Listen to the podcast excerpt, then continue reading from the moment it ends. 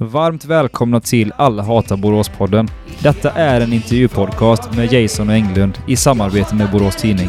Denna podden går ut på att vi kommer varje onsdag under tio veckor att intervjua en intressant person som har med Borås att göra. Dags för avsnitt nummer fem. Rulla jingeln.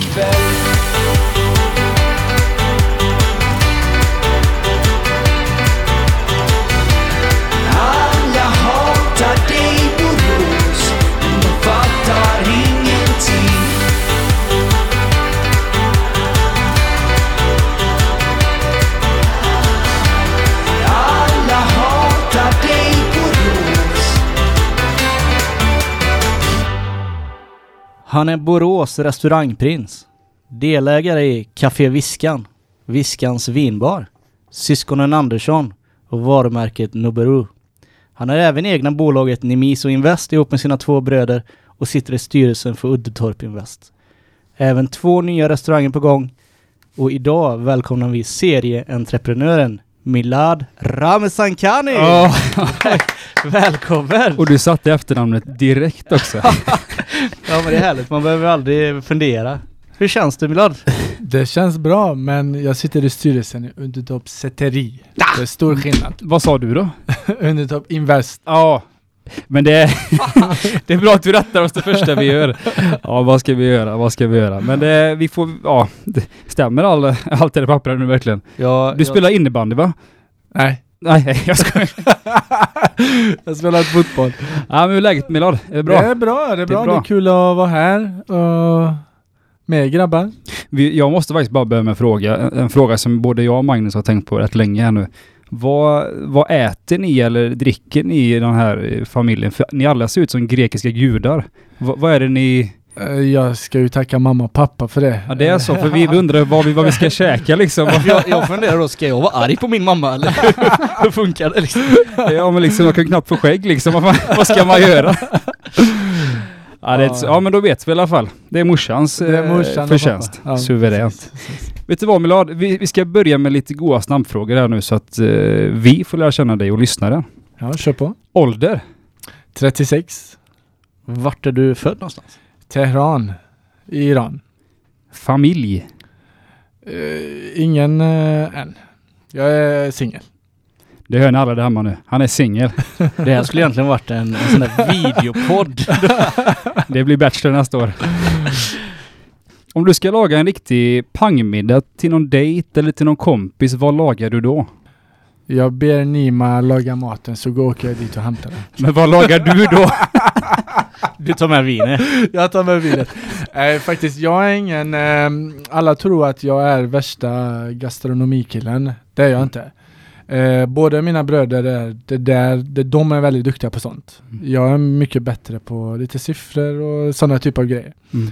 Eh, jag gillar att äta bra mat och dricka gott, men eh, jag är faktiskt inte så bra på att laga mat. Så du tar fram Yatzyt då när, när de kommer då? Jag kan nog eh, laga bra chili con carne, tror jag. Chili con carne Det har jag med bönor och grejer vet du. Ja, bönor är bra för en dejt också. Det är, det är därför jag, jag tillåter matlagande till Nima. ja, det är bra.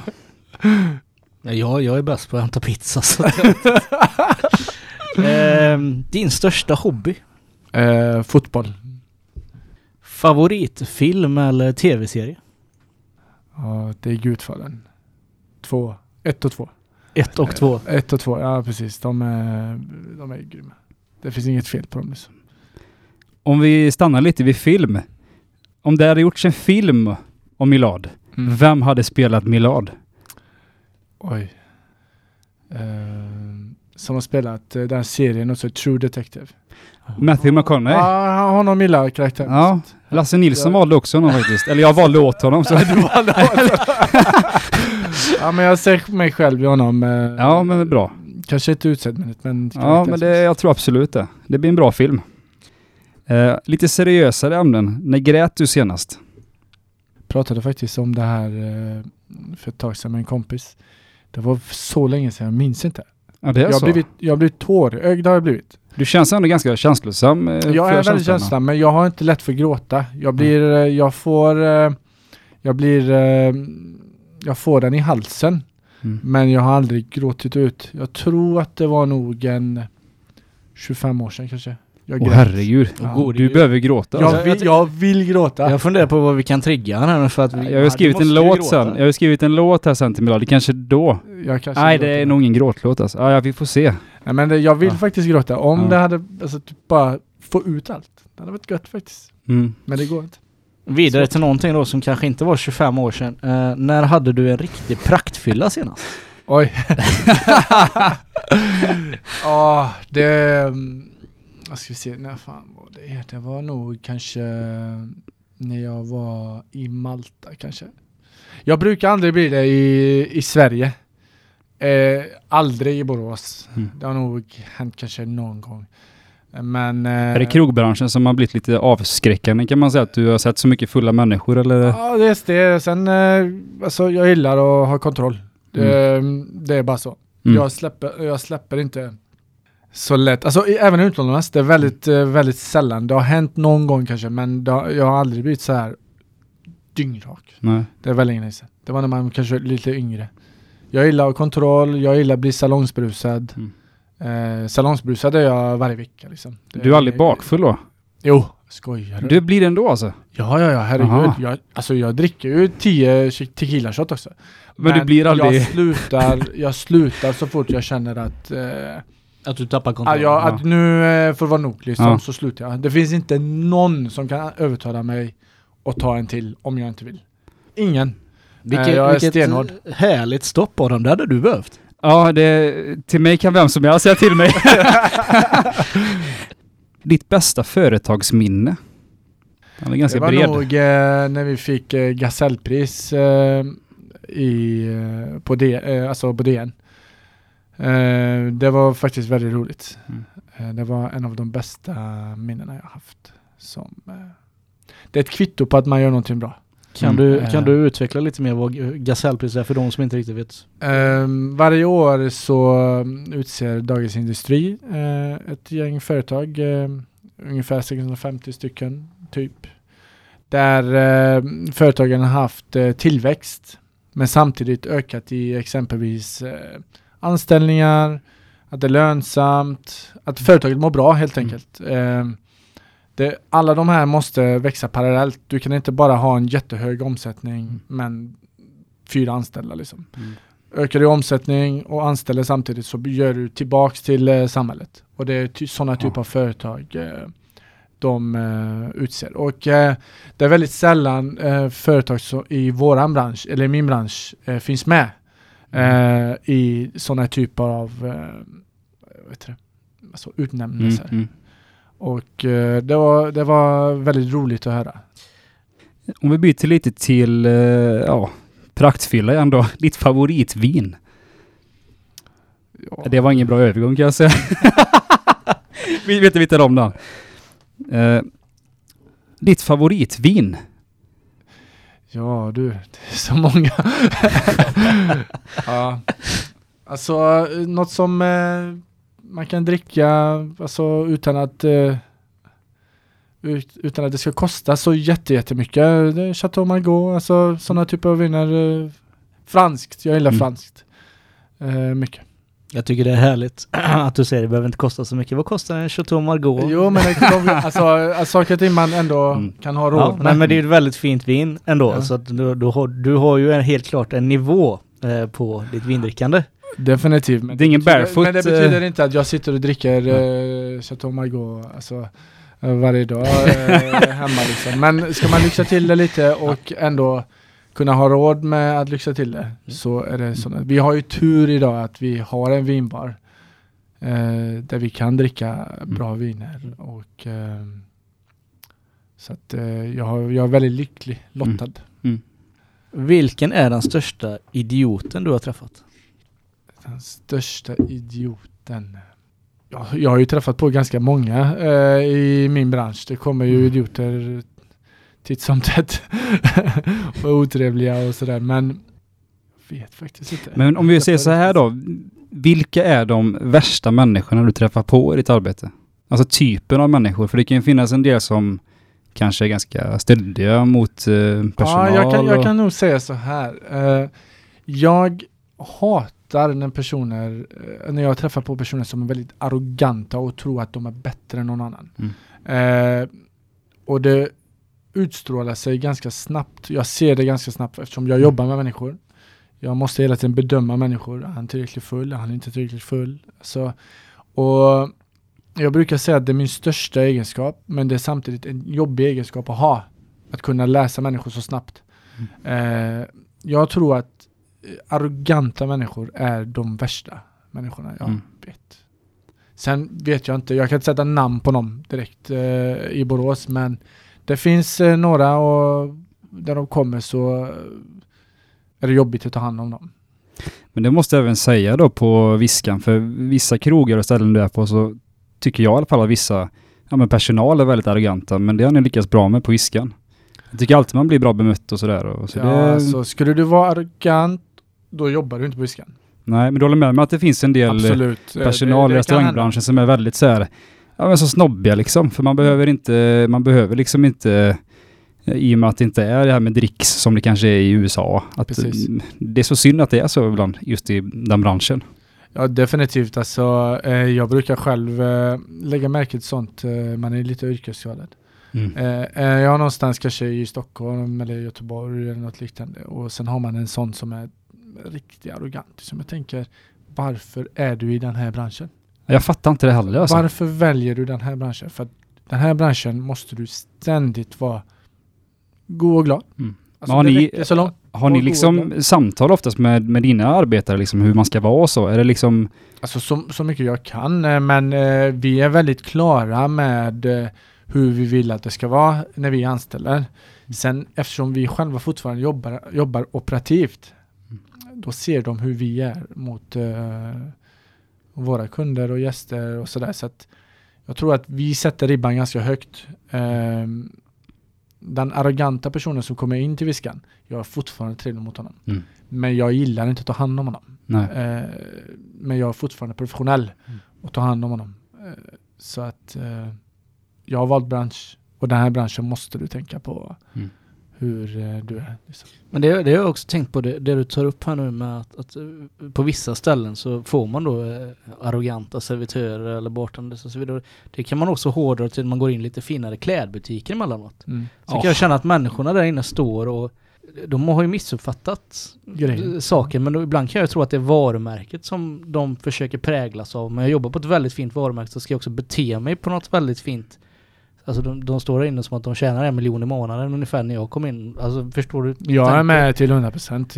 Och då blir man ju bara negativ. Definitivt. Alltså, ja, jag, jag förstår verkligen inte. Jobbar du med service eh, så ska du vara eh, god och glad. Eh, du ska vara hjälpsam. Du ska tänka ständigt kundens bästa. Mm. Så är det. Eh, det finns ingen ursäkt. Det finns ingen ursäkt. Eh, Ja, jag håller med. Jag håller kan med. du inte göra det så måste du byta bransch. Eh, nästa fråga då. Vem hade du helst skedat med? Chewbacca från Star Wars eller Faunen från Narnia? Lite så avslutning får, bara. jag, får jag vara den stora skeden? Absolut. Absolut. Ah, Okej. Eh, Chewbacca. Chewbacca. Det är underbart. Milad, eh, berätta lite om din uppväxt. Eh, det var ju så, föräldrarna flydde ju kriget i Iran. Du kom eh, till Sverige som sexåring. Sju. Sju. Mm. Berätta gärna lite om ja, din upplevelse. Alltså jag kommer inte ihåg så mycket men jag var, alltså kriget höll ju på ganska länge. Det jag minns för kriget var att vi flydde alltid. Vi hade en stuga bakom bergen i Iran vid Kaspiska havet. Det är faktiskt en favoritplats vi har, eller vi hade. Det var väldigt, eh, det var ingen skola, vi åkte dit och det var riktigt gött där faktiskt. Ehm, så vi flydde dit så fort eh, vi fick larm om att det är, det är på väg liksom. Det ska bombas. Ehm, ett minne som jag har från just kriget var att ehm, vår gata, längst upp på vår gata så hade en bomb fallit. Och ehm, när vi kom hem från våran stuga eh, i vid Kaspiska havet så var det var alla fönster eh, förstörda. Och jag lekte till och med i gropen där bomben har fallit. Eh, så är vardagen liksom. Shit alltså. Ja, Det är lite annan uppväxt än en själv. Ja men det är lite sjukt om man tänker, tänker på det. Eh, att eh, jag som kanske då var 5-6 år lekte Mm. i en grop där en bomb har fallit. Eh, och med alla andra barn. Liksom. Eh, det är lite svårt för oss att förstå här. Det är svårt för mig att förstå idag. Att jag har varit med om det innan. Mm. Men så är fallet. Och eh, när man tänker nu på Syrien, allt som hände i Syrien och sådär. När man ser att det är jämnat med marken. Då får man lite så här, shit. Mm. Så var det inte ens en tiondel vad som händer i, eller inte ens hundradel vad som händer i Syrien. Så att eh, man får perspektiv, perspektiv på Jag måste, du, du, du sa att du, du inte minns så mycket. Men minns du att du var rädd någon gång? Eller, eller var det liksom vardag för dig att växa upp i... i eh, Självklart var man rädd. Alltså det Mm. finns, eh, det, alltså på den tiden fanns det ju inte någon internet eller något liknande. Liksom. Det var radion som gällde. Det var en larm som än idag, om jag hör den så kommer jag minnas, eh, minnas eh, det hemska då egentligen. Men vi var, jag var ju så liten så att eh, vi fick gå och ställa oss under karmen, dörrkarmen. För att eh, vi hade fått veta att där är det säkrast för att det faller inte ihop. Ehm, klart att man var rädd. Ju, man kan ju inte vara den, alltså man ser ju paniken i mamma och pappas ögon. Liksom. Det. Men vi var där under längre tid så att man hade ju vant sig, alltså du är ju van liksom att det kan hända. ehm, vad, jag måste bara berätta för, för lyssnarna. Vad, vad, var det, vad är det för krig som, som du upplevde där? Det är ju Irak, Iran-Irak-kriget. ehm, eh, precis efter revolutionen i, i Iran, så något år efter det så började ju Iran och Irak kriga mot varandra. Men, så efter lite omvägar, ni var något år i Singapore, har för mig att jag Ja, vi har läst. flytt till Iran två gånger. Ja, Eh, först, eh, alltså min lillebror är ju född i Singapore. just Eh, alltså vi får ju höra historier, man kunde inte googla sånt. Vi hade hört historien att om du, vi vill ju säkra vår alltså, flytt från Iran till alltså, det landet vi skulle fly till. Vi blev ville säkra det. Och vi hade fått höra att om man föder sitt barn där i det landet, i Sverige då, så skulle man ha mer möjlighet att få uppehållstillstånd. Så att allting sånt måste man ju planera lite. Alltså hur skulle vi göra det och, och sådär. Så åkte vi till Singapore då och där eh, lämnades vi utav människosmugglaren då. Eh, och eh, vi, vi bodde där på ett hotell i hundra dagar.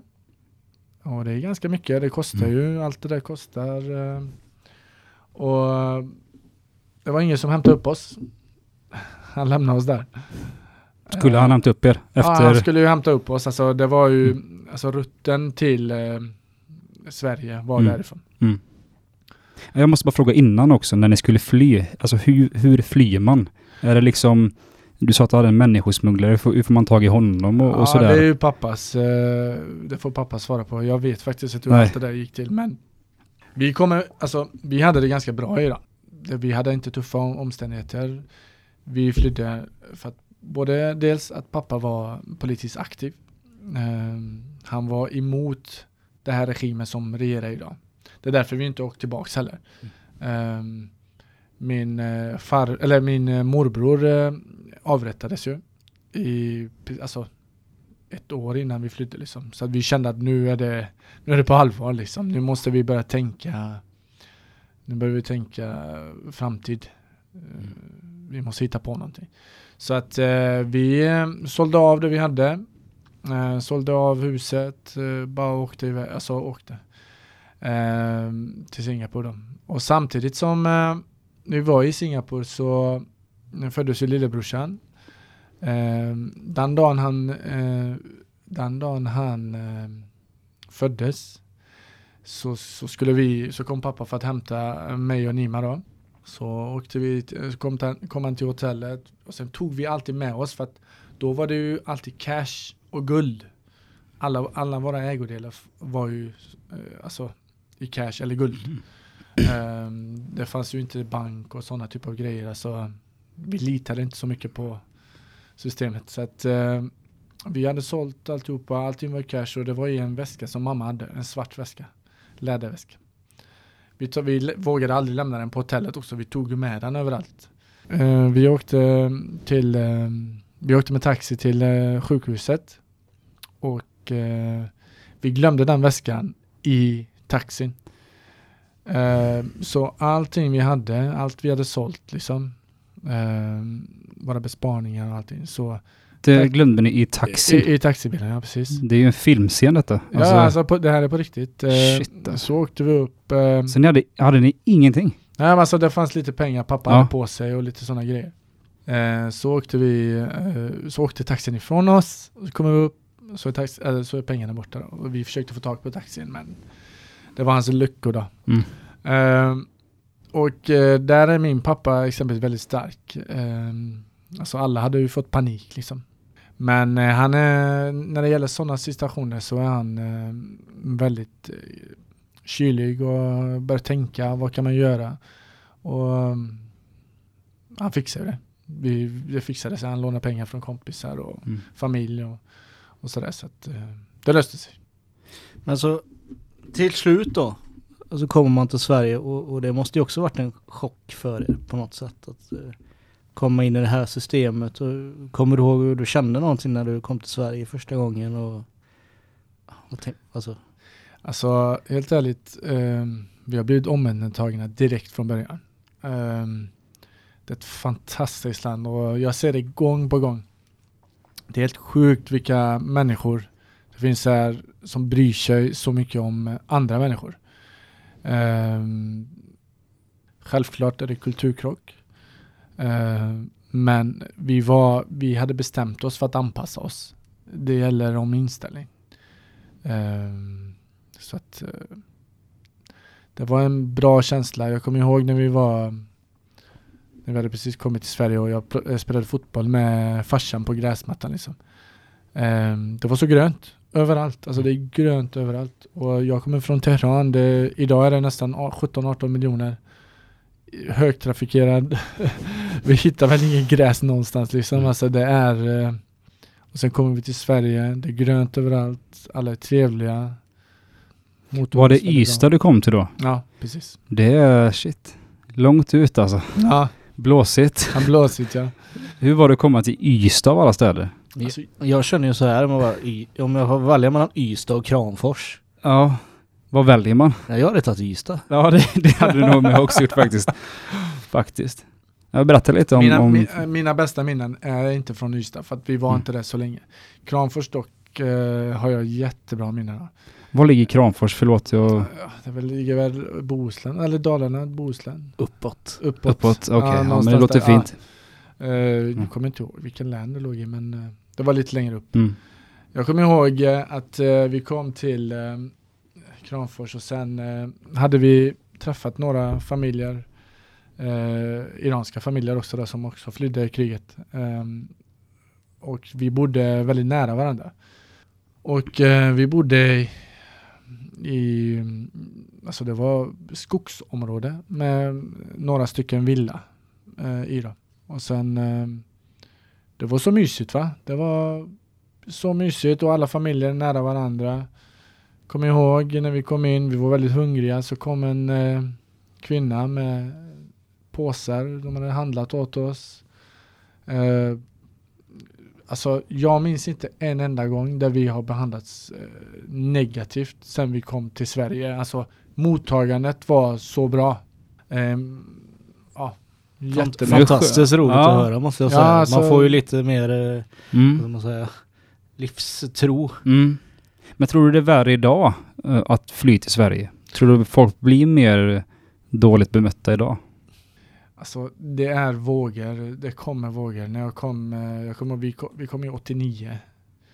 Jag lyssnade på podd för typ 6-7 månader sedan om eh, Ny Demokrati. Det var väl början av 90-talet. Där Balkankriget eh, var. Det är alltid jobbigt att ta emot jättemycket eh, flyktingar, det är det. Det är klart att eh, man tänker eh, oj nu ska vi ta hand om så många vi kan inte ta hand om våra gamla och så vidare och så vidare. Man är alltid lite rädd när det kommer så mycket på en gång. Men om man kollar idag så är de bosniska medborgarna eh, en av de bäst eh, anpassade i samhället. De bidrar mest till eh, samhället. Jag har många bosniska vänner, de jobbar, de bidrar. Det är en investering vi gör. Eh, det kostar lite först, men sen kommer det betala av sig. Eh, det är alltid så. Det är Mm. så vad du än gör. Du investerar i människor. Det är Mm. rätt roligt att du, att du säger det här för att eh, när jag växte upp så spelade jag mycket basket och då var några av mina bästa kompisar var ju bosnier och iranier. Mm. Jag tror till och med våran starting five var eh, två bosnier, två iranier och jag. Ärlig. och, och, med, med det sagt, fantastiska människor, välutbildade människor. Mm. Och det, det är rätt roligt att du tar upp det här för nu, nu har ju vi i Sverige varit rädda igen och så glömmer man lite den här omvärldsanalysen att det var inte så länge sedan Balkankriget var och det Mm. var inte så länge sedan den här Iran-Irak-kriget var och, och där har ju, precis som du säger, människor lyckats anpassa sig på ett väldigt bra sätt. Mm. Pratar iranier så är det väl en av de mest högutbildade folkslag vi har i Sverige. Ja, absolut. Eh, Ja, det är de. Eh, Det är viktigt för dem. Eh, Och jag känner bara att det är ingen, man får ha med sig det, det är ingen som vill fly sitt hemland. Det är väldigt få människor som, alltså du kollar från, du, om du kollar på Syrien nu exempelvis. Varför hade då inte de flytt till Sverige innan kriget? Det var inte så mycket men migrant, det- det- alltså, det flyktingar därifrån. Det är ju att det är krig. Vem Mm. är det som krigar där liksom? Vad händer? Jag, jag ställer mig alltid den frågan. Man måste hela tiden se bort, bortom hela, va, varför är det krig där? Mm. Det är ingen som vill fly sitt eget hemland. Det är ingen, som, vill fly. det. Du sa det att när du kom till Sverige att det var väldigt stora såklart och kulturskillnader. Vad fick du lära dig när du kom till Sverige liksom? Vad, vad var det? För idag pratar man mycket om att vissa, du vet, man har vissa olika eh, typ föreläsningar för folk som kommer hit, hur man ska bete sig och allt vad det nu är. Vad, vad fick du eh, lära dig när du kom hit? Eller var det liksom bara, du märkte det? Jag har en eh, liten historia. Det kom, när jag kom till Sverige så, eh, som sagt, allting var ju jättebra. Jag fick komma in direkt i en svensk, s- vad det, svensk klass. Lärde mig språket ganska snabbt ändå. Eh, Man, man förstår ju, man är liten, Mm. man förstår snabbt. och sen eh, kommer min lärare säga till mig, ja vi ska ut på utflykt nästa vecka liksom. Och då måste du ta med dig din egen fika. Så du har mellanmål och sådana typer av grejer. Ja, självklart, inga konstigheter. Eh, så blev det nästa vecka, eh, vi var på den här utflykten, så hade alla andra med sig smörgås med ost och skinka liksom. Eh, och varm choklad kanske, eller en, ja, någonting lite saft. Jag hade med mig eh, en burk tonfisk, eh, Coca-Cola och sen skulle jag öppna den här tonfisken då. Och sen kolla alla på mig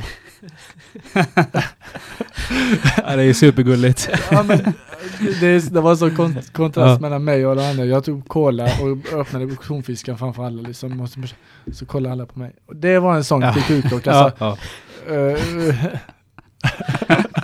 det är härligt på något sätt. ja, det, det, jag Ja, lärde det- mig och så, så kollade alla lite konstigt på mig. Vad är det han äter liksom? Och det var inte sådär som nu. Alla har ju dieter och sånt. När man är äldre Mm. så, du blir inte Nu så förvånad. nu hade det inte varit så förvånad. Nej, nej. det är inte förvånad. Men då var det lite... Ja men det är klart, när man är barn, alla har sina, svensk fika är ju liksom traditionellt här i Sverige. Men det är, också, det är också det här som är roligt, att vi kommer utanför våran bubbla någonstans. Och vad, vad vi tycker är okej i våran värld. Alltså varför ska det behöva vara sanningen? Det kan ju lika väl vara sanningen att vi, vi skulle äta tonfisk. Ja, det var ju gott så att. Tänkte du så här då att ah, shit, tonfisk var fel, jag måste ha något mer svenskt. Kommer tillbaka med köttbullar då eller något sånt där? Nej? Nej men jag kände faktiskt att det var något konstigt. Ja. Eh, Jag kände ju det direkt att ehm, nu kollar alla lite Ja. konstigt på mig. Eh, så det var ju lite halvt obagligt eh, och där tänkte jag minns det fortfarande liksom. Ja, shit och det är alltså. eh, 26-27 år sedan. Och du säljer ingen tonfisk på eh, Viskan nu? Nej jag, jag, jag åt inte mer tonfisk efter det. Nej, jag förstår det. Eh, vi hade ju egentligen velat då intervjua alla tre bröderna Ramazan i väldigt... Men det går inte att ha så många gudar i ett rum. För det första hade det varit jobbigt att kolla på tre snygga killar samtidigt. Där, vem Nej, det går jag- inte. Vem ska jag ha kontakt med? ja, precis. Känna sig Men- riktigt ful själv alltså. Men jag får ju känslan att dina bröder är, är väldigt viktiga för dig. Ja, där. Vad är det som, eh, alltså vad som har gjort er så starka ihop? Jag tror vi, våra resa ihop har gjort oss eh, väldigt eh, tajta. Eh, alltså, eller vår familj är väldigt viktig för mig. Eh, alltså i, i varje beslut, i varje steg jag tar, eller vi tar, så är det familjen eh, som tar det tillsammans. Det finns inte att jag tar det steget själv. Det finns inte att jag gör den här businessen själv det är vi som gör den här businessen. Det är vi som gör det här. Det är vi som gör det här. Mm. I allt. Ehm, det, är- det är lite, det är lite konstigt ibland, men eh, det är eh, det gör oss väldigt starka ihop. Vi kompletterar, vi är väldigt, vi är väldigt olika alla tre. Ehm, men vi kompletterar varandra bra. Just det du beskriver nu känns ju mer österländskt. Det är ju i alla fall osvenskt att, att man är en så tajt familj och, och sådär. Varför tror du det är så? Alltså vi kommer från, ehm, alltså hela den regionen har ju alltid varit problem liksom. Det, om du kollar tillbaks till alltså Bibeln, alltså Bibeln, Koranen, du läser det är mycket krig, det är mycket, det är mycket fattigdom, det är mycket folk som dör. Alltså du kollar bara idag, det händer mycket runt i den regionen hela tiden och det, sådana typer av grejer för familjer mer eh, ihop, eh, tror jag. Vet, vi bor ju hos våra föräldrar i hemlandet liksom. Vi bor tills vi gifter oss. Liksom. Det är ganska vanligt. Eh, I Sverige flyttar man ju när man är 18. Det första man gör. Liksom. Eh, det är både bra, man lär sig stå på sina egna ben. Mm. Eh, det är därför vi har så väl utvecklat land, tycker jag. Sverige, 9-10 miljoner. Vi är, alltså, vi är så grymma på entreprenörskap, företagande. Ehm, vi lär oss tidigt stå på våra egna ben.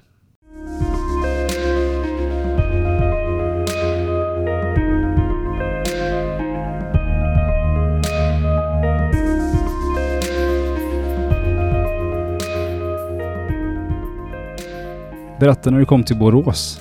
Och hur gammal var du och varför blev det Borås?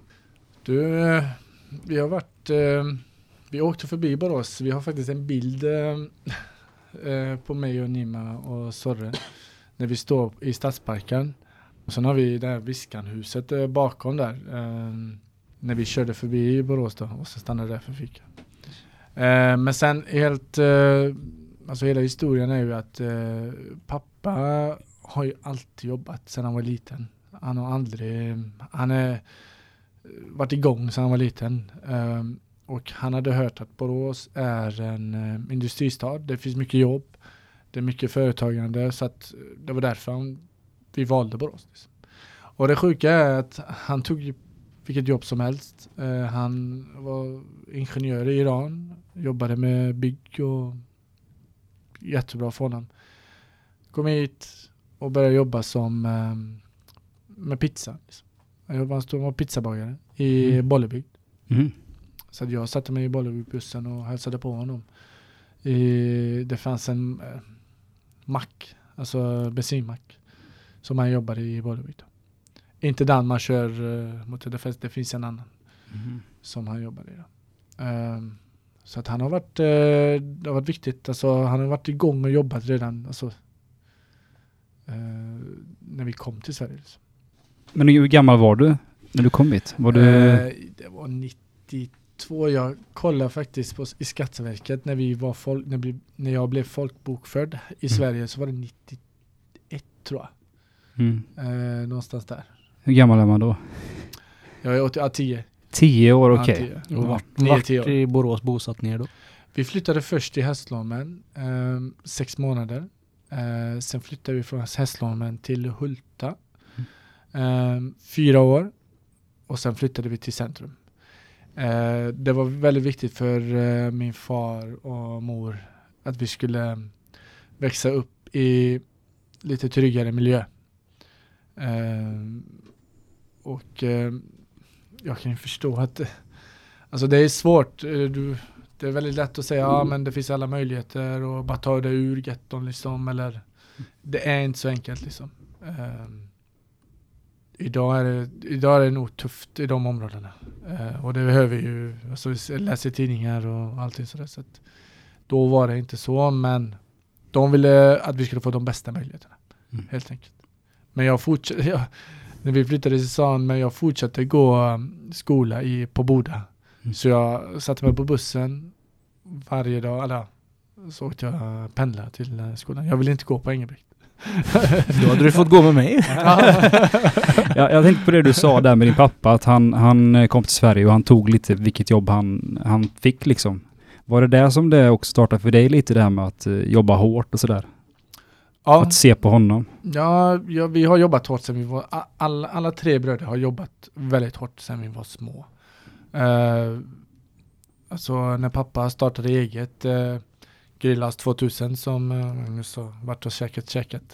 Grillas? Och, om jag kan inte räkna så många jag har varit på Grillas 2000. För då hade vi Gorillas? då hade vi basketträning uppe på Engelbrekt. Ja. Så gick jag ner till honom och, och jag, jag måste ju ätit där kebab eller? 500 gånger. Liksom. Ja, det var, det var ingen kebab, men alltså det, det var lite amerikansk snabbmatskedja. Jaha. Typ, Eh, liknande. Det är Kentucky och Jaha. Revben hade jag ingen aning om. och, och. Ja, du är lite för ung för det. Ja, ja, det måste Eh, vara det. det var på den här tiden när lunchen kostade 50 kronor. Ja, Oj, sånt. oj, oj.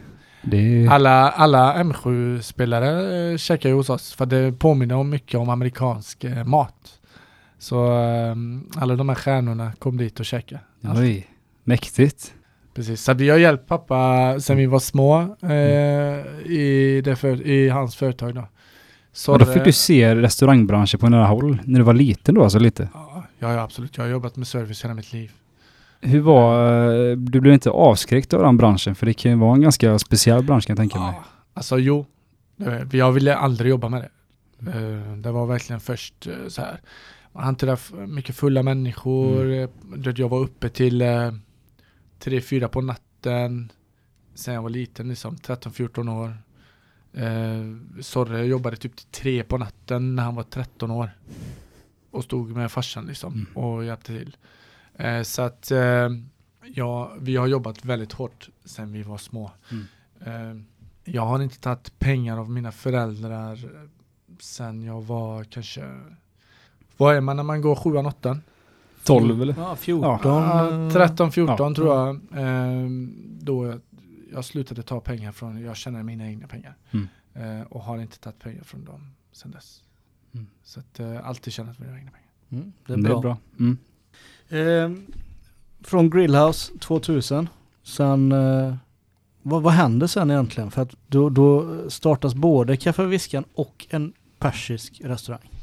Ja, precis. Eh, pappa hade ju grillen. Ehm, han jobbade ju extremt mycket. Han jobbade ju sju dagar i veckan. Varje dag, kanske, oh, kanske i 15 år. Det är ju sjukt alltså. Ja, absolut. Han har varit på någon semester, tror jag, kanske två semestrar eh, i Grekland eh, på en vecka liksom. Eh, så han har jobbat alla dagar. Han var väldigt trött på det han Mm. gjorde. Han ville utveckla det till något annat. Och då hade jag börjat jobba som säljare. Och jag hade samtidigt, eller jag hade hoppat av högskolan. Jag läste affärsingenjör, hoppade av. Först läste jag eh, tekniskt basår ett år, sen läste jag två år affärsingenjör. Men det var inte riktigt min grej. Jag eh, hoppade av och började jobba som säljare, mm, eh, telefonförsäljare. Eh, och började tjäna bra pengar liksom. För den tiden var det väldigt bra pengar. Eh, Nima gick eh, fortfarande högskolan eh, och läste till affärsingenjör också. Så fick vi, eh, så pappa ringde och sa så här, ah, vi behöver träffas och sitta och kolla. Det fanns planer på Sammas plats då. Då var det bara skiss vad de ville göra med Sammas plats och sådär. Um, och eh, han ville att vi skulle allihopa göra det tillsammans. Eh, med våra nytänk.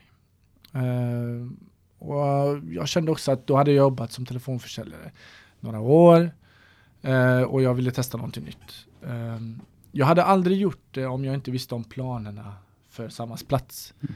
Det var ett väldigt avgörande beslut i vad vi som bröd, alltså vi sa så här, okej, om det blir sådär så gör vi det. Mm. För vad fanns där innan på Sammas plats? Det var ju en eh, B-gata eller Jaha. där... eh, Bilar också? Ja, ja, man Bil- körde bilar bil- utanför. Ja, det är bilar. otroligt alltså. Är du så pass ung alltså? Ja, jag, uppenbarligen så är jag ung.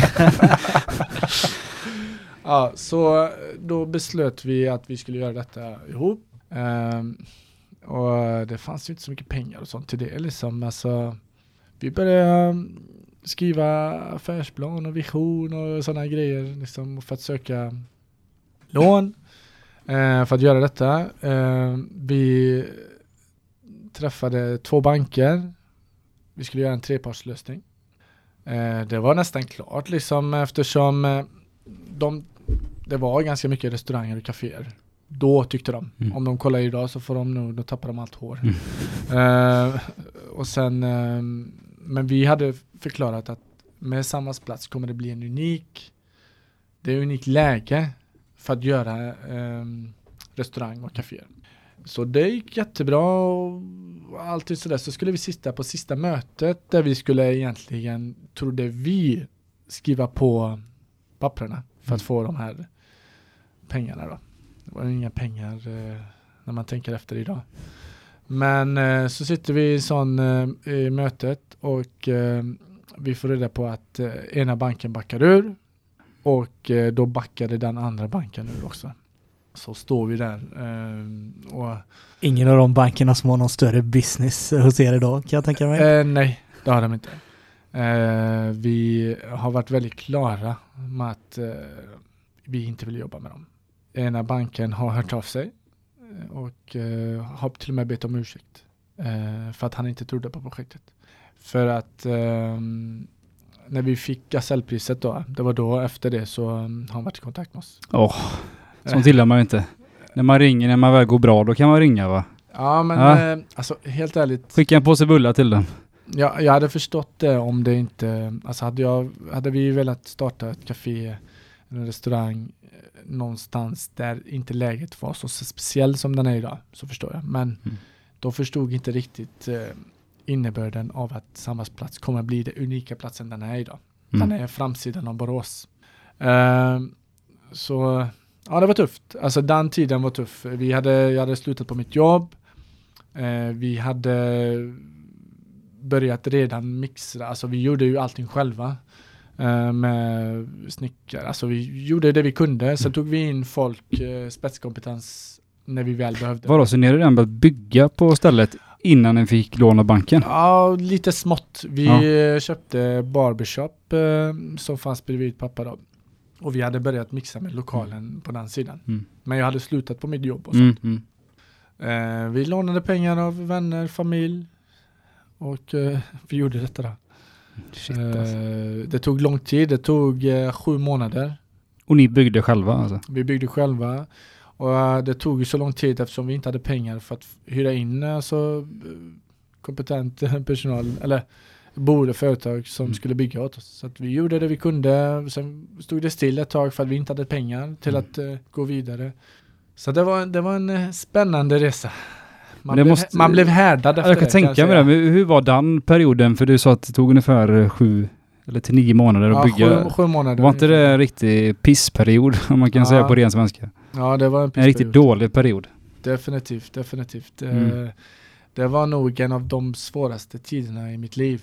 Inget jobb. Eh, inget jobb, eh, ingen inkomst. Eh, jag och mitt ex, eh, alltså vi levde på hennes lön liksom. Eh, hon hjälpte till enormt mycket i, i den svåra perioden. Eh, så det var tufft faktiskt. Kände du aldrig bara, nej vi skiter i detta nu? Jo, det är många gånger. Men eh, innerst inne visste jag att vi skulle inte skita i det här. Mm. Nu var det Alin. Men man kände så. Eh, man kände verkligen så. Och jag kommer ihåg min pappa var en, eh, Han var min eh, terapeut. Alltså vi satt, eh, kunde sitta och fika liksom och han sa om du inte vet eh, jobbiga tillfällen, alltså livet har upp och ner, Mm. om du inte har varit med något jobbigt så vet du inte när du har det bra. Eh, Upp och ner liksom och, och han har rätt. Alltså nu vet jag vad jag inte vill vara. Nej, men jag, jag ändå, vi snackade lite om den här framgångspodden innan. Eh, de mesta framgångsrika personerna säger ju att för att lyckas riktigt rejält så ska man inte ha någonting att luta sig tillbaka till. Som du sket i jobbet där och allting. Kanske var det som behövdes. Jag tror det. Mm. Jag tror att ibland måste du släppa tag i det trygga och sen göra det. Och jag ser inte mig själv som en framgångsrik person eh, på det sättet. Det finns mycket att göra. Jo, men det är ju. Eh, eh, nej, jag, jag tycker inte det. Jag tycker att eh, eh, vi har mycket mer att åstadkomma. Det här, eh, det här eh, vi har haft tur. Vi har jobbat hårt. Men eh, än så länge ser inte jag mig själv som en framgångsrik person. Eh, Viskan slår ju upp dörrarna den 5 december 2005. Precis. Förstod du att ni var på väg dit ni var på väg då? Eller var det fortfarande här att... eh, Nej, det var, det var väldigt, väldigt, alltså jag har sådana historier, det är helt sjukt. Um, alltså vad man varit med om de första åren. Ehm, men nej, vi visste inte att det skulle bli på det här sättet. Vårt café har ju funkat väldigt bra redan från början. Det välkomnades av boråsarna, men eh, vi hade problem. Vi hade en persisk restaurang ehm, som Som jag satt själv på många gånger. Ja precis, alltså Boråsarna var inte riktigt redo. Ehm, då fanns det inte så många restauranger i Borås. Ehm, det fanns lite grekiskt och kanske lite spanskt. Ehm, det fanns inte så mycket italienskt. Um, spaghetti fanns, just det. Spaghetti fanns. Men så fanns det inte så mycket eh, annorlunda restauranger. Ja, thai och sånt fanns det ju också Mm. självklart. Men jag menar à la carte nivå. Men det var, det var en annan tid. Jag kommer ihåg spaghetti och, och då var vi ju runt diskussionen. Ska man betala 100 kronor för spaghetti? Precis.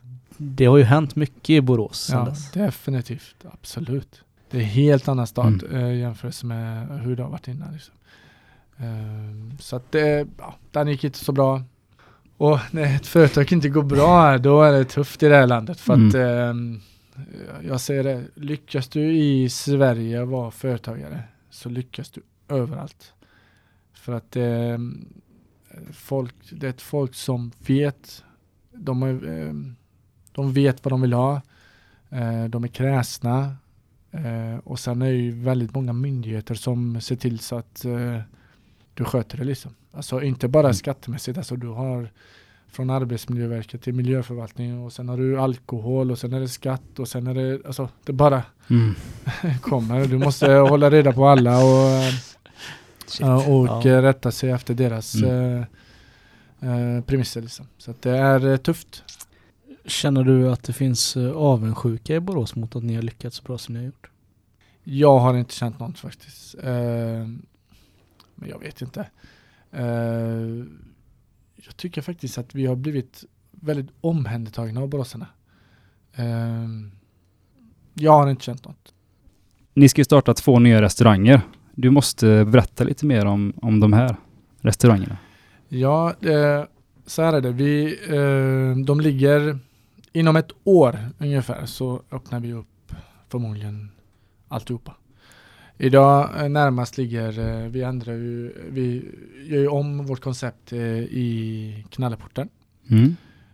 Där vi bygger om det, det lilla kaféet vi hade idag till ett lite större koncept. Lite som Knalleland, Viskan Knalleland. På Pallas, där Åhléns och H&M och sånt ligger idag, så har vi ett nytt projekt på gång.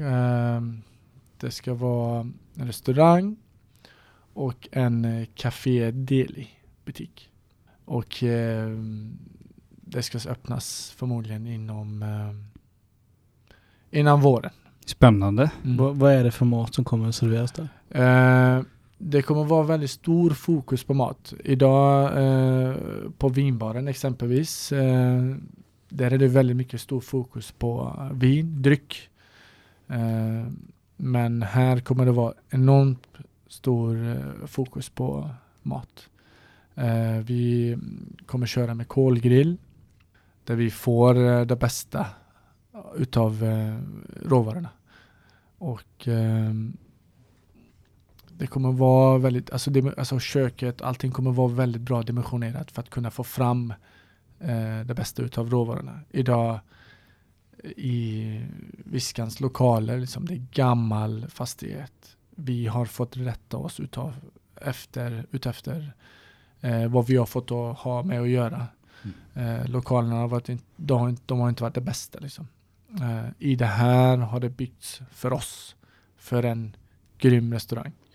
Eh, så att eh, det kommer bli grymt. Spännande. Vi väntar på inbjudan Vad, Ja, till... eh, vad är det som gör Du att... kanske kan spela på, Ja, absolut. på absolut. absolut. Vad är det som gör att, att jag ska ta med min fru och gå dit och äta? Kan man sitta och kolla ut på viskan och, och vad är det som är de här stora... Ja, alltså vi ser ju alltid i våra satsningar så ser vi det här som du, alltså om du går ut så ska du känna att du går ut på en liten upplevelse. Ehm, det ska vara bra när du kommer in i lokalerna så ska inredningen vara grym. Musiken ska vara grym. Personalen ska se dig och med det menar jag verkligen se dig. Eh, du ska kunna få väldigt, väldigt bra mat och du ska få passande dryck till. Eh, det här är en upplevelse vi säljer till kund. Det är inte bara mat eller det är inte bara dryck. Det är en upplevelse. Allting ska spela. Och det är väldigt viktigt för oss. Därför vi gör så mycket. Vi, ju, vi ändrar ju i viskan hela tiden. Nya rum, nya möbler, nya tapeter. Mm. Det händer, det ligger i våran eh, planering. Att vi måste ständigt eh, utveckla oss. Ständigt. Det låter nästan för bra för att vara sant. Men alltså det, det, det, vi tror verkligen på Mm. det. Ehm, att det ska, för, för gästen ska det vara annorlunda. Det ska inte vara samma. Vi ska byta meny. Vi ska byta inredning. Mm. Det är mycket roligare för gästen att besöka oss då. Tror du att många Boråsställen gör fel då, att de inte förnyar sig? Jag tycker Borås är ganska bra på det. Men Eh, vissa kan ju vara lite... Ja, självklart. Det finns så i alla städer. Jag tycker Borås är ganska, Borås har ganska hög standard på sin, eh, på sin utbud. Mm. Eh, vi har väldigt duktiga krögare här. eh, och eh, vi ska vara väldigt, vi ska, vi ska uppskatta Borås uh, uteliv. Det är bra uh, jämförelse med andra, andra liknande städer. Det, det räcker med att du åker till uh, Halmstad, Jönköping. Du får inte den kvaliteten du får i Borås. Det, det var första då med, med Palace. Sen så eh, planen att man ska öppna någonting i gamla Handelsbankens lokaler på Stora torget. Vill du Mhm. berätta lite mer om det? Ja, eh, vi, det är en fantastisk fastighet. Eh, och eh, vi fick ju tillgång till den eh, för ett par månader sedan. Eller ja, sex, sju månader sedan. Någonting sånt. Och lokalerna är väldigt fina. Vi, vi, vi har ett koncept som vi vill göra där. Eh, ett sydamerikanskt koncept. Eh, och eh, där vi kommer göra allting med stolthet för grunden. Eh, ja, men den ligger lite längre i tid eftersom vi har så mycket projekt på gång nu. Eh, så att eh, så fort det är klart med Pallas och de här, de här eh, projekten som vi håller på redan med idag. Mm. Det är ganska komplexa, det är stora projekt som är igång. Alltså Pallas-projektet det, är 500 kvadrat eh, yta. Eh, om du vill jämföra med något så är Viskan också runt 500. Viskan och vinbaren tillsammans är 500. Stort. Ja. Är det? Det är väldigt stort. Så att eh, det är komplext projekt. Ehm, så det kommer efter. Nu kommer vi till en fråga som vi redan gått igenom det här ett antal gånger här, men nu är vi tillbaka igen till grekisk gud-auran här vet du. Du är ju singel. Vad, får du ragg varje helg eller? Nej, sluta. Vi kände att övergången blev fantastisk. Jag har skrivit allting i kronologisk ordning. Nej men hur, hur känner du? Längtar du efter kärleken eller känner du att ditt eh, yrke, att det är det som får kärleken liksom? För du har ju ett yrke som är väldigt mycket helgjobb och det känns som att, Mm. ja. Alltså helt ärligt, jag funderar inte så mycket på det. Jag är Mm. nybliven singel. Mm. Ehm, jag har haft eh, två långa förhållanden innan det här. Så att eh, just nu eh, fokuserar jag väldigt mycket på det vi håller på med. Ni är med och stöttar många föreningar i Borås. Och ni har ju även ett, ert eget fotbollslag, Café Viskan FC. Har det varit viktigt för, för er och för dig att kunna ge tillbaka till idrotten nu med den här lyckosamma resan? 100 procent. Eh, föreningslivet i Borås har eh, hjälpt mig eh, bli den personen som jag är idag. Eh, alltså, för mig är det väldigt viktigt att det finns, tyvärr försvinner ju många föreningar idag.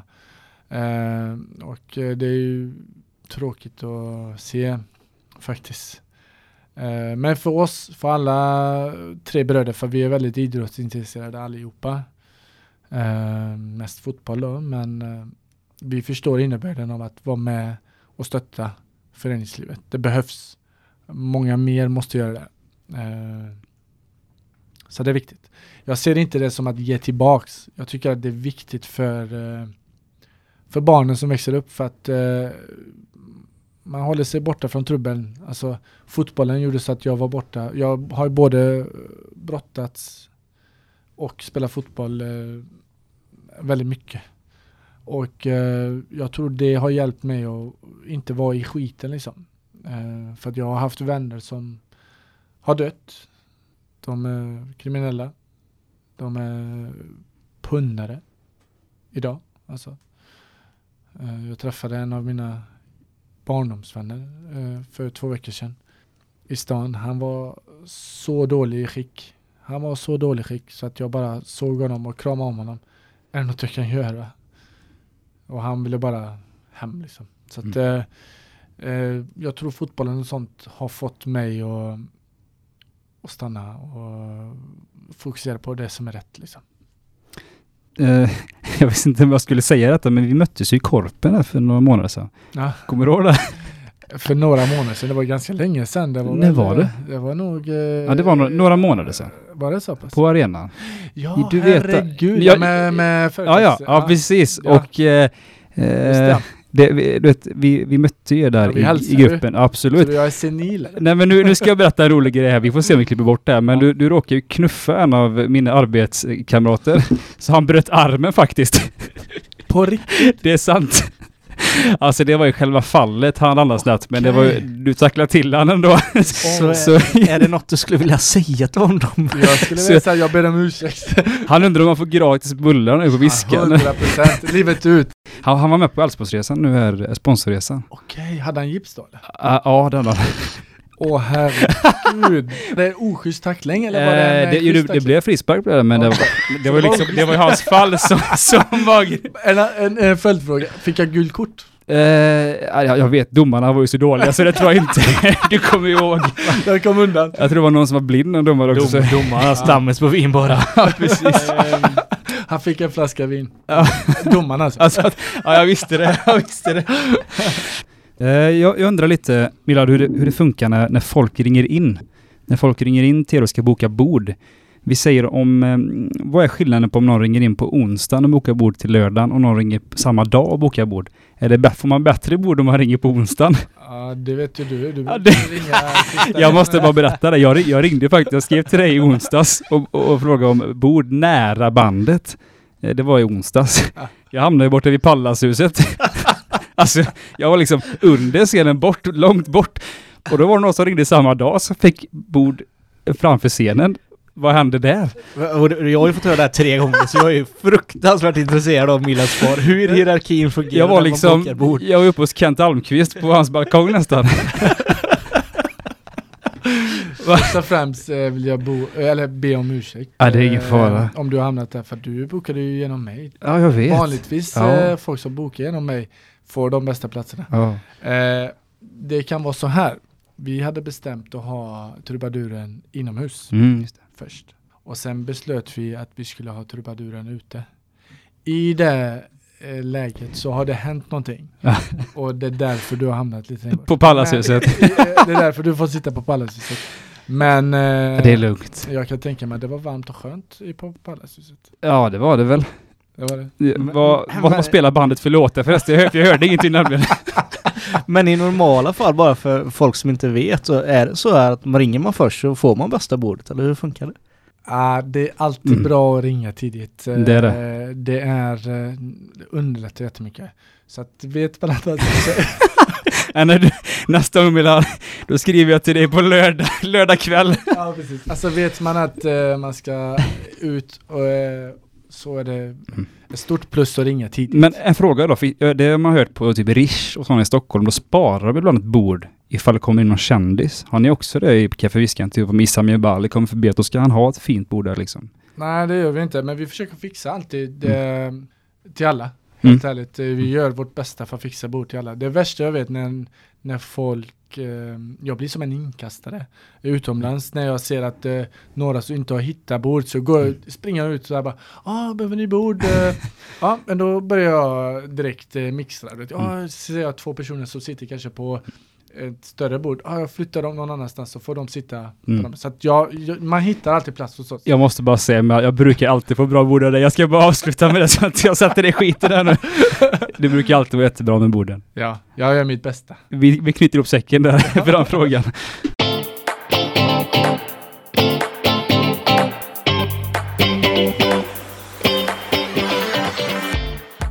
Eh, ja, men det, jag måste säga att det är himla kul att, att få höra på den här resan med Viskan och, och alltihopa, hur, hur stor den har blivit. Eh, jag, jag tänker att eh, vi har snackat ganska mycket nu och mycket prat och skratt och, och så vidare. Jag tänker att vi ska eh, köra min låt nu faktiskt. Till dig. Hyllningslåten. Eller det är inte, det är inte till dig, det här är faktiskt till Kaffe Viskan. Eh, för jag funderar lite, alltså, hur ska man skriva en hyllningslåt till tre bröder och sådär? Det är lite svårt, du vet, det blir mycket text. Så att, eh, eh, varför jag gillar Viskan är för att man kommer in i värmen liksom och det, det är det man tycker om. Så att jag har hämtat gitarren och så kör jag låten. Kul. Kul. Jag ser fram emot att höra det.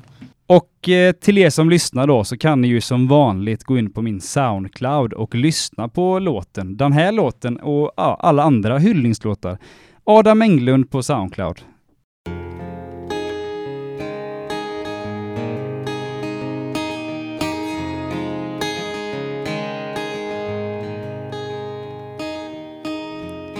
En mojito doft i baren. Det är en vanlig regnig dag. Jag kanske aldrig hittar sparen. Men här är platsen jag vill vara. Här kan du möta människor. Här finns aldrig något gnäll. Kanske hittar du kärleken ikväll. Snälla ta mig till Viskan igen. Och under palmerna på uteserveringen Kaffe Viskan igen. Här kan du äta gott och fira med en bricka shots.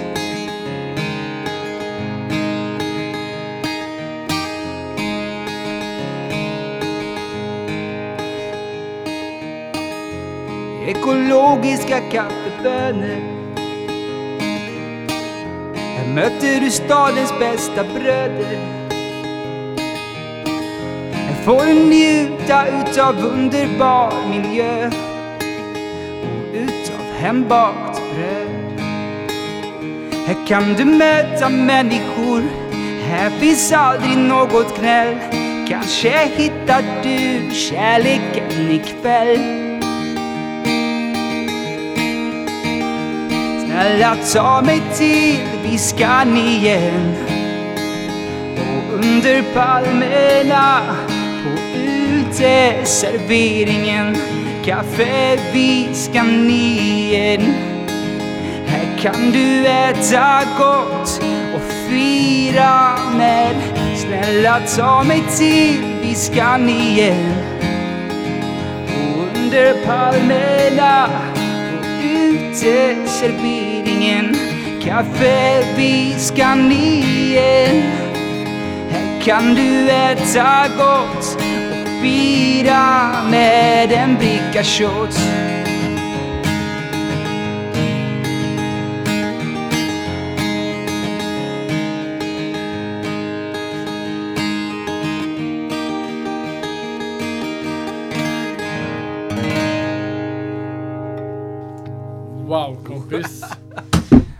Riktigt.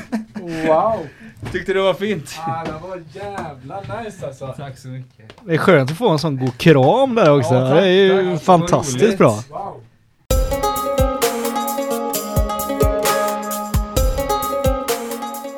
Vi kommer gå till miljonkronorsfrågan. Du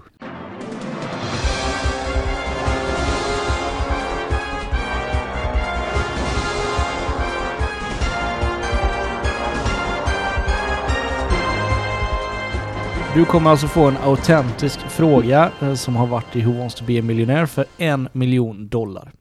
Du har ju självklart lyckats ta dig hela vägen hit upp med alla dina livlinor kvar. Vilket betyder att du har möjlighet att fråga publiken, som är jag och Adam. Vi är ingen större hjälp eftersom vi sitter på svaret.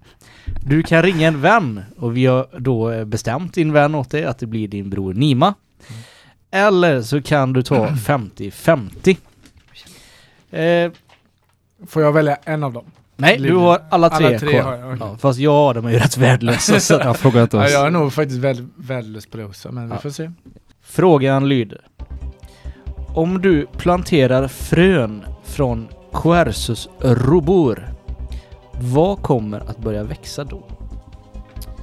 Är det A. Grönsaker B. Träd C. Säd eller D. Blommor? Och du vet att du måste kunna den här nu för nu lyssnar hela Borås och det är ju pinsamt att inte... Ja, jag började svettas eh, direkt när jag hörde. Vad var det för Quartzerobor? Quercus rubor. Eh, Jag tar min första livlina. Ja, vilken väljer du att... eh, 50-50. 50-50. Då har vi B. Träd. Eller D. Blommor. Får du välja på. Eh, jag frågar publiken. Du får fråga mig då. Så då... eh, Men jag... Vi har ju våra mentometerknappar. Okej. Ja. Okej, ja precis. Det blev 50% på B. Träd. 50% på D. Blommor. Du kan... Ska du ringa till din bror kanske? Jag ska ringa min bror. Vi får se om han svarar för att han Ja. brukar inte svara Ja, men gör det. efter jobbet. Ni Mario. Merci. Ni Mario, jag ringer från eh, Vem vill bli miljonär?